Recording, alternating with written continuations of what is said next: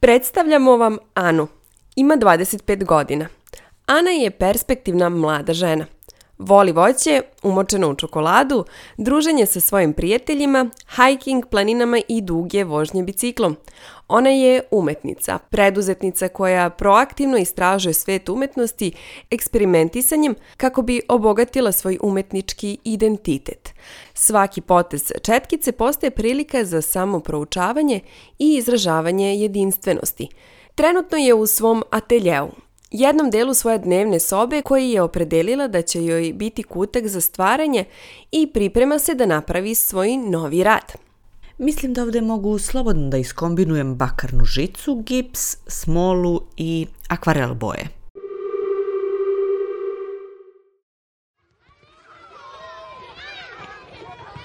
Ana, a reci nam zašto ti se sviđa toliko taj skok BMX-om? Uzbudljivo ti je? Želiš da te upišemo u školu za BMX akrobacije? A treba ti i zaštitna oprema. Naravno, ako želiš, možeš da probaš BMX školu skokova. Hajde zajedno da pronađemo koja će ti odgovarati. Roditelji su još u njenom detinstvu podržavali njene želje i interesovanja, naglašavajući kako vrednosti, odanosti i istrajnosti igraju ključnu ulogu u formiranju ličnog karaktera. U školi Ana je aktivno učestvovala u procesu učenja, koristeći svaku priliku za postavljanje pitanja i istraživanje. U Aninoj porodici zajednički trenuci nisu samo rituali, već su i temelj njenog socijalnog identiteta. Možda najjednostavnije da je to neka vrsta razrađene predstave o sebi koju svaka individua ima. E sad, to razrađeno, mogli bismo reći da to znači da je to bogat pojam, da u sebi sadrži veoma različiti broj elemenata, dakle, i često kažemo da su to uh, kognitivni elementi, a to znači u suštini da pod identitet u sebi sadrži različita uverenja, vrednosti, predstave o svetu, o društvu u kojem se nalazimo i o našoj ulozi u društvu. Tako da to je jedan kompleksan uh, i psihološki i sociološki fenomen koji je zapravo kognitivni prirodan, što je nešto što je nama, po znacima navoda, u glavi. Ovo je sociolog Aleksandar Tomašević, a Ana je izmišljena osoba sa kojom smo hteli da ilustrujemo kako je naš identitet zapravo napravljen od niza dešavanja i okolnosti u našem životu koji su uticali na nas da budemo onakvi kakvi jesmo, odnosno uticali su na naš identitet. Anu možemo posmatrati kao primjer kako proaktivno oblikovanje umetničkog, obrazovnog i socijalnog identiteta može rezultirati snažnom, autentičnom ličnošću. Njena priča naglašava važnost samorazvoja, podrške učenju i vrednovanja međuljudskih odnosa u procesu formiranja identiteta, koji zapravo čine samo jedan deo identiteta – Slušate Umologiju, podcast u kom želimo da napravimo nove drajvere, kudanje shvatanja i razmišljanja, poimanja sebe, svojih misli i emocija, ali i osoba i sveta oko nas. Da preispitujemo kako naša svakodnevnica utiče na dobrobit pojedinca. Da budemo dobro. Ja sam Aleksandra Bučko, a u ovoj epizodi pričamo o identitetu. Ili identitetima. A ovo je novinarka Sanja Đorđević, U kreiranju ove epizode učestvovala je i Marija Marčeta. Identitet je kompleksan i može obuhvatiti faktore poput kulturnog porekla, etničke pripadnosti, pola, religije, ličnih vrednosti i iskustava. To je jedinstvena kombinacija koja oblikuje kako pojedinci percipiraju sebe i kakvu interakciju imaju sa svetom. Mnoge stvari utiču ili su sastavni deo našeg identiteta, kao na primjer verovanja. Verovanja koja nas čine onakvim kakvi jesmo. Ali postoji razlika. Identitet obuhvata širok spektar karakteristika koje definišu pojedinca, uključujući aspekte kao što su kulturno poreklo, pol i lična iskustva, Verovanja, sa druge strane, predstavljaju specifična uverenja ili principe koje neko zastupa, utičući na njihove perspektive i postupke – Iako su verovanja deo identiteta, identitet je sveobuhvatni, pokrivajući različite elemente koje doprinose osjećaju sobstva. Mi imamo taj jedan doživljaj sebe i možemo reći da je to identitet i u stvari jedinstvena slika o sebi. Trebalo bi da bude jedna celovita, kongruentna jel, ideja, ali sa druge strane uvek imamo te različite neke, različite neke aspekte identiteta u okviru kojih mi ispoljavamo u stvari tu svoju, tu svoju celovitost, jel, s obzirom da je naš društveni život vrlo složen i, i tako dalje. Tako da možemo reći da imamo jedan jel, identitet, jednu sliku o sebi, ali generalno da je ona složena.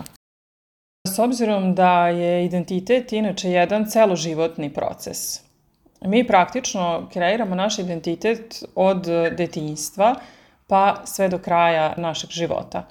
Ono što je interesantno jeste naravno da je taj proces najdinamičniji, možda naj, da kažemo, uzbudljiviji u periodu adolescencije i pretpostavljam da ga često u stvari i vezujemo ovako kada govorimo o svakodnevnom životu, identitet verovatno vezujemo za period adolescencije, Međutim, to nije zaista tako, nego se smatra u stvari da je sticanje identiteta u psihološkom smislu u stvari jedan celoživotni proces, dakle, koji traje ovaj, počinje u detinjstvu i traje do kraja našeg, našeg života, s obzirom da se individua generalno razvija naravno od začeća pa sve do kraja, do kraja našeg života, odnosno do, ovaj, odnosno do smrti. A, kada smo mali, dakle u tom nekom periodu detinjstva, naravno u najvećoj meri uh, E, identifikujemo sebe sa našim e, okruženjem i pogotovo sa primarnom porodicom, odnosno sa roditeljima najpre, koji su tu da nam, da kažemo, e, pruže različite neke izazove i da nas na neki način izlože različitim iskustvima kako bismo se još kao mali, jel, um, mogli na neki način uhvatiti, da kažemo, za nešto što nam je najinteresantnije, pokušati sebe da odredimo u tom nekom i dalje primitivnom, naravno, ovaj, smislu s obzirom na sam razvoj u detinjstvu. Posle toga, mhm. deca već kako, kako rastu počinju da dobijaju neke svoje više lične oblike i počinju sve više da istražuju, da istražuju sebe, ali isto tako to se uvek dešava zajedno sa istraživanjem svoje okoline Često kad smo mali, pa kažu ili roditelji često kažu, dete isprobava granice. Dete u stvari pokušava da razume na neki način sebe, šta sme, šta ne sme u tom nekom najranijem, najranijem uzrastu što se posle naravno sve razvija kako smo, kako smo stariji. U periodu adolescencije dolazi u stvari do tog kažemo, najdinamičnijeg e, razvoja pojma o sebi ili identiteta. A zašto je to tako? zašto mislimo da je to jel, najuzbudljiviji neki e, neki period, e, period u našem odrastanju, pa pre svega taj period adolescencije jeste jedan od perioda u kom se dešava najveći broj promena. I to najveći broj promena ne samo na jednom planu, nego gotovo na svakom planu ili na svakom aspektu razvoja. Uh, sama adolescencija počinje pubertetom i pubertalnim promenama koje za mlade ljude mogu biti u određenom smislu uznemirujuće zato što su poprilično nagle i u velikoj meri nas menjaju u odnosu na to kakvi smo bili kao dete. Sam taj prelaz iz detinjstva u odraslo doba jeste nešto što je vrlo izazovno za svakog čoveka. Ovo je psihološkinja Dušana Šakan ali zašto mi sada pričamo o identitetu ovde u umologiji? Što je on više formiran na adekvatan način, imamo mnogo bolje ishode. Sad, šta to znači, jel, koji su to ishodi? a, imamo veće blagostanje, veće zadovoljstvo životom, a, mnogo manju preokupiranost nekim negativnim, negativnim emocijama, negativnim teme nas generalno manje prožimaju i tako dalje. I ono što je vrlo važno jeste da je regulacija stresa mnogo, mnogo bolja. Pokazalo se u različitim istraživanjima da oni koji imaju više da koji imaju u stvari bolje, da kažemo, izgrađen identitet, odnosno da je on višeg statusa, a da onda oni mogu i bolje da regulišu i svoje emocije, pa i neke događaje koji se nenadano dese, a koji mogu da predstavljaju izvor stresa i tako dalje. Verovatno da taj sam kontinuitet doživljaja sebe, kakav sam ja zaista, jeste u stvari neka vrsta protektivnog faktora. U ovoj epizodi pričamo sa psihološkinjom jer pa identitet utiče na naše blagostanje i na dobrobit svakog pojedinca. A pričamo i sa sociologom Aleksandrom Tomaševićem jer na kreiranje identiteta društvo i te kako utiče. Ta interakcija između individua i kulture i okruženja se zapravo odigrava kroz socijalizaciju. Zato je teško promeniti identitet, zato što je on, znači imamo taj formativni životni period, pre svega adolescenciju, dakle ta neka kombinacija primarne i sekundarne socijalizacije, dakle imamo tu socijalizaciju unutar porodice i onda sekundarna, dakle sa vršnjacima, kroz školski sistem, dakle kroz obrazovni sistem a, i kroz neki taj period odrastanja mi zapravo tu vršimo neku, a, kažemo, prilagođavamo se na sredinu i formiramo naš naš identitet, punimo ga različitim sadržajima i što smo, po znacima nada, stariji, a to nam je teže, dakle, da to a, da to ispravimo. Tako da je to proces, pre svega društven, društven proces, on jeste individualan, on jeste ličan za svaku osobu, ali on je u suštini ima društveni karakter mi bismo možda nekad voleli da, da smo mi gospodari našeg identiteta. Evo sad smo u prvi mesec je nove godine, dakle mnogi od nas su prolaze kroz tu fazu a, nova godina, novi ja i kao pokušaj da mi nekako svoj identitet promenimo, da ga možda a, izmenimo kako bismo bili zadovoljni sobstvenim životom i ono što svi to pre ili kasnije shvatimo da to ne ide tako lako. Dakle, mi iako imamo slobodu da kreiramo svoj identitet, taj sadržaj identiteta zapravo mi preuzimamo iz kulture koja nas okružuje, dakle ne možemo sami da smislimo nešto potpuno novo ili nešto što je apsolutno jedinstveno, nego zapravo mi a, a to na neki način pozamljujemo iz, a, iz kulture u kojoj živimo, kojoj smo okruženi, naročito iz popularne kulture, iz nečega što nam je razumljivo, jednostavno dostupno nama, ali takođe i drugim, drugim ljudima. Dakle, sve što čini naš identitet da bi, da bi vršilo tu funkciju identiteta mora biti razumljivo a, ljudima a, s kojima smo interakciji. A evo na šta tačno misli. Dakle, vi možete biti vegetarijanac, dakle to može biti deo vašeg identiteta i ono što, što čini to zapravo delom identiteta jeste da vi možete da ne znam, kad ste nekoj proslavi ili odete negde na, na slavu i samo kad kažete drugima da ste vegetarijanac, drugi će razumeti šta to znači. Možda neće vas razumeti što ste vi, ali razumeju šta to funkcionalno znači, znači vi ne jedete meso, neće vam nuditi meso i tako dalje. Međutim, ako vi dođete i kažete uh, ne znam, vi ste sad promenili način ishrane i odlučili ste da jedete samo, ne znam, viršle, kivi i čokoladno mleko. Dakle, niko neće razumeti šta se sa vama dešava, zato što to nije nešto što je element a, a, popularne kulture, nije nešto što je, što je razumljivo. Tako da, ako, da, da skrati, možda um, drugi ljudi utiču na nas pre svega, dakle, na taj način što se mi trudimo, da naš identitet bude razumljiv drugim ljudima kako bismo mogli sa njima, dakle, da, da imamo nekakav suživot, komunikaciju i tako. Dušana ukazuje na koji način naša okolina utiče na formiranje identiteta i to u velikoj meri, iako je identitet jedna naša unutrašnja ideja i percepcija sebe kao osobe. Znači, socijalna sredina utiče na kreiranje našeg identiteta i to, kako objašnjava Dušana, od ranog detinjstva, u adolescenciji i u kasnijem odraslom dobu, jer ljudi smo i socijalna bića smo. Što je ona više podsticajna i što je više podržavajuća, možemo očekivati da će sam razvoj eh, identiteta biti, i da kažemo, olakšan. A, ono što, eh, što je važno, pogotovo u adolescentnom periodu, eh, za sam identitet jeste uloga i vršnjaka, koja u današnje vreme može da bude veoma surova, verovatno je mogla i pre, ali u današnje vreme kada posmatramo vidimo da može biti veoma surova, uh, Um, I ono što je vrlo značajno verovatno jeste da i sami mladi, mladi ljudi nemaju toliki fokus u stvari na vršnjacima, nego da se na neki način, na neki način i dalje drže i svoje primarne, primarne ovaj, porodice i svog primarnog okruženja. Svakako istraživanja pokazuju da mi tu imamo tri, da kažemo, najvažnija agensa koja mogu da utiču i na blagostanje, pa isto tako i na identitet kod mladih ljudi To je naravno primarna porodica, dakle to su roditelji, braća i sestre ukoliko ih imaju. Pored toga nastavnici ili profesori sa kojima provode veliki deo vremena, jel, s obzirom da pohađaju e, školu, i vršnjaci. I postojalo su neka interesantna istraživanja u smislu da li recimo primarna porodica gubi primat u adolescentnom periodu u odnosu recimo na vršnjake, s obzirom da znamo da se mladi ljudi najviše okreću svojim, svojim vršnjacima, često se identifikuju sa nekim drugim vrednostima koje možda nisu toliko bile ovaj, utemeljene u samoj primarnoj porodici.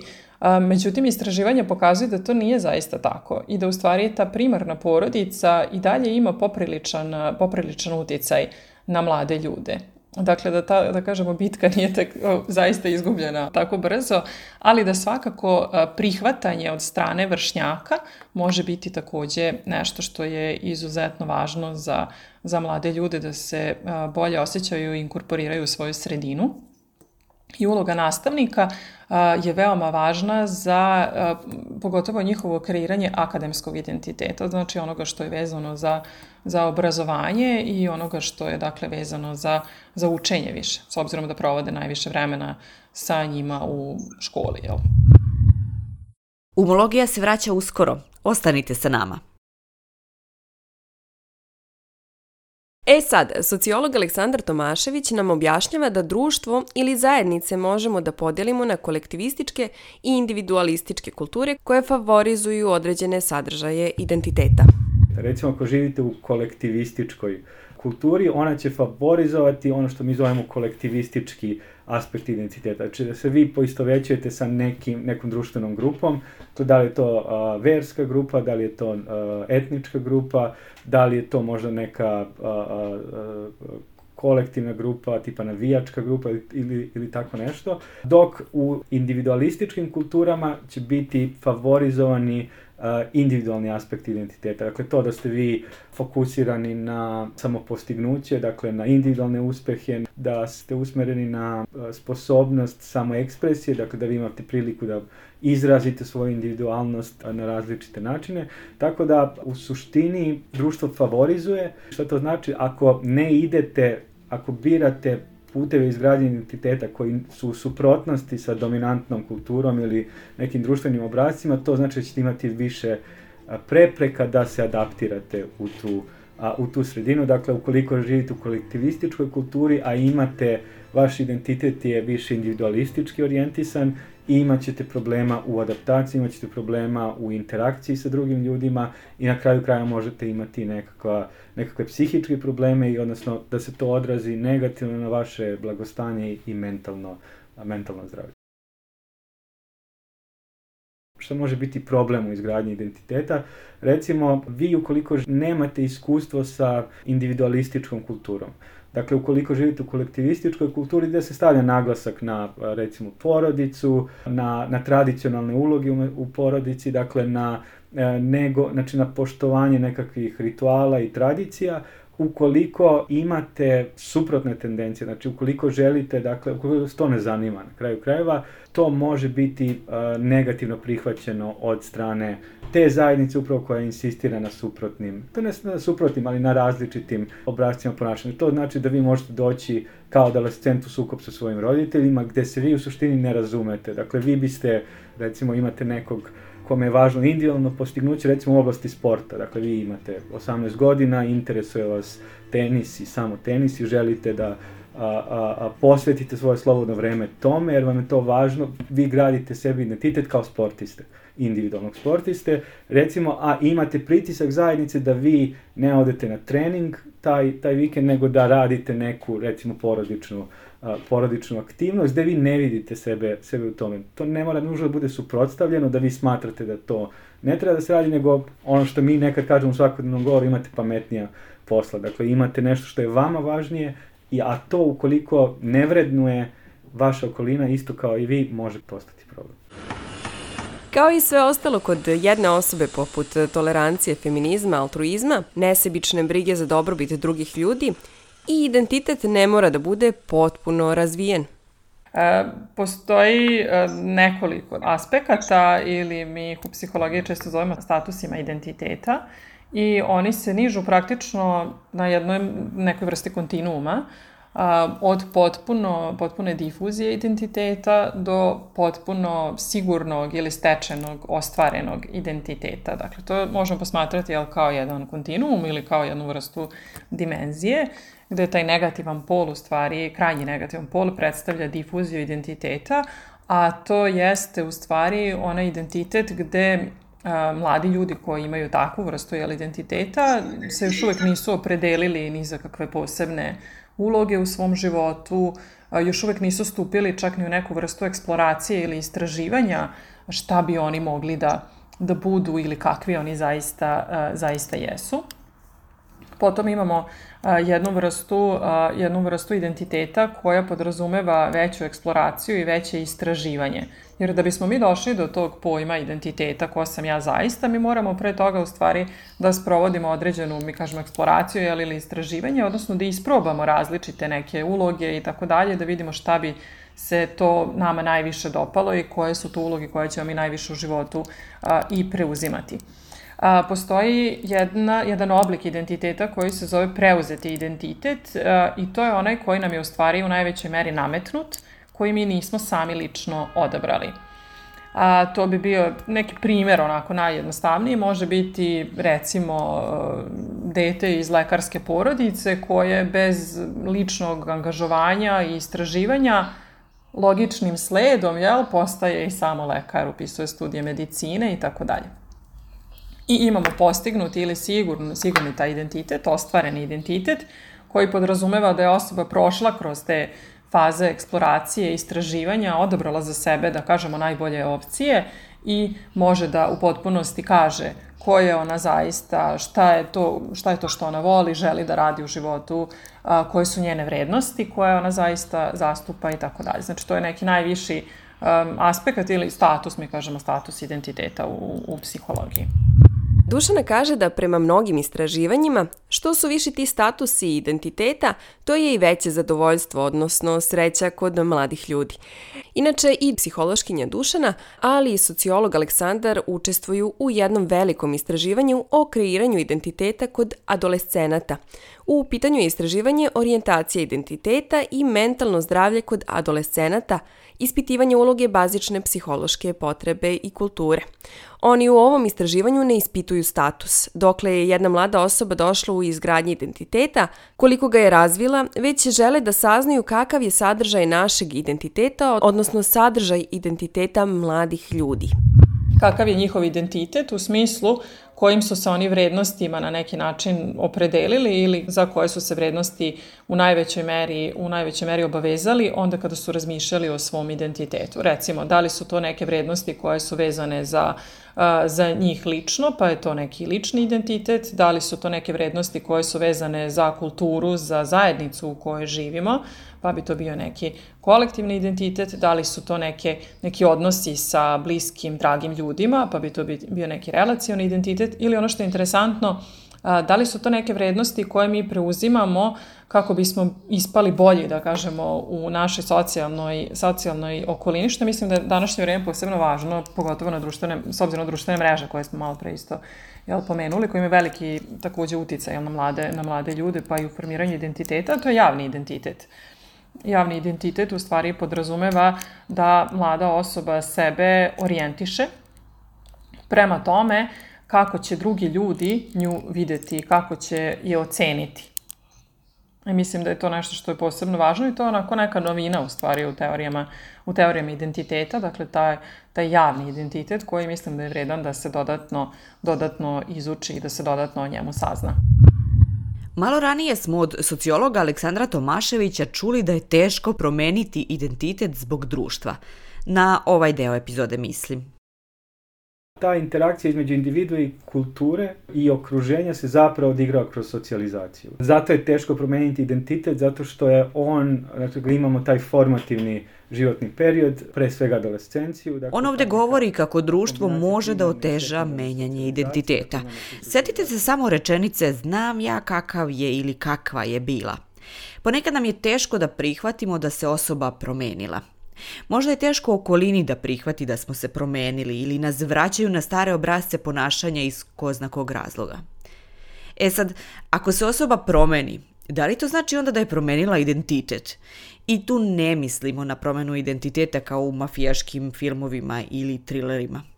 Psihološkinja Dušana Šakan razjašnjava da je promena moguća, ali ne cijelog identiteta, već da je u pitanju menjanje nekog aspekta identiteta I to često dolazi posle krize. Svaki neki period života nosi određenu krizu, postavljamo sebi određena pitanja sa velikom promenom u stvari u našem okruženju i tako dalje, možda nekim zahtevima koji nam se nameću, naravno moguće i neka vrsta da kažemo promene identiteta. E sad, šta to zaista znači? To ne znači u potpunosti menjanje onoga što ja zaista jesam, nego verovatno neke uh, neke aspekte svog identiteta. S obzirom da identitet, e, mi možemo govoriti o njemu kao o globalnom jel, identitetu, generalnom poimanju sebe kao ovakvog i onakvog, ali on se ispoljava u različitim nekim aspektima našeg života. Jel?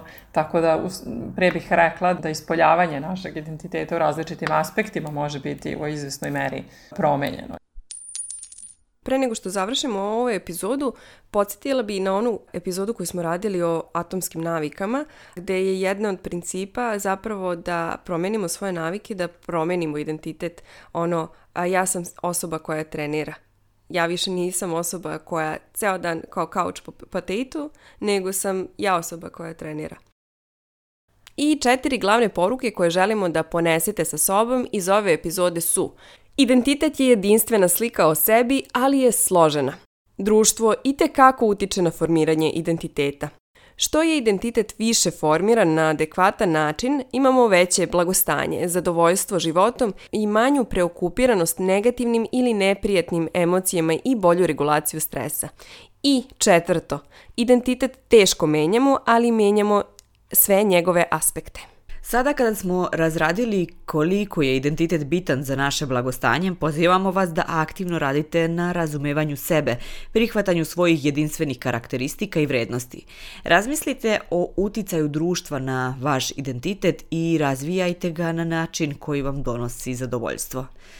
I naravno, u sve to uključite i umologiju. Slušajte je, preporučite osobama kojima će biti korisna i snimite se na SpeakPipe-u. Želimo da čujemo vaša razmišljanja i predloge tema.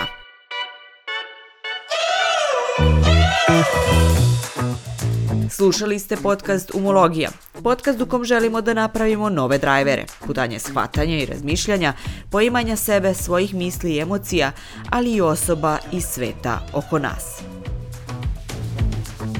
Ovu epizodu su kreirale Sanja Đorđević, Marija Marčeta i Aleksandra Bučko.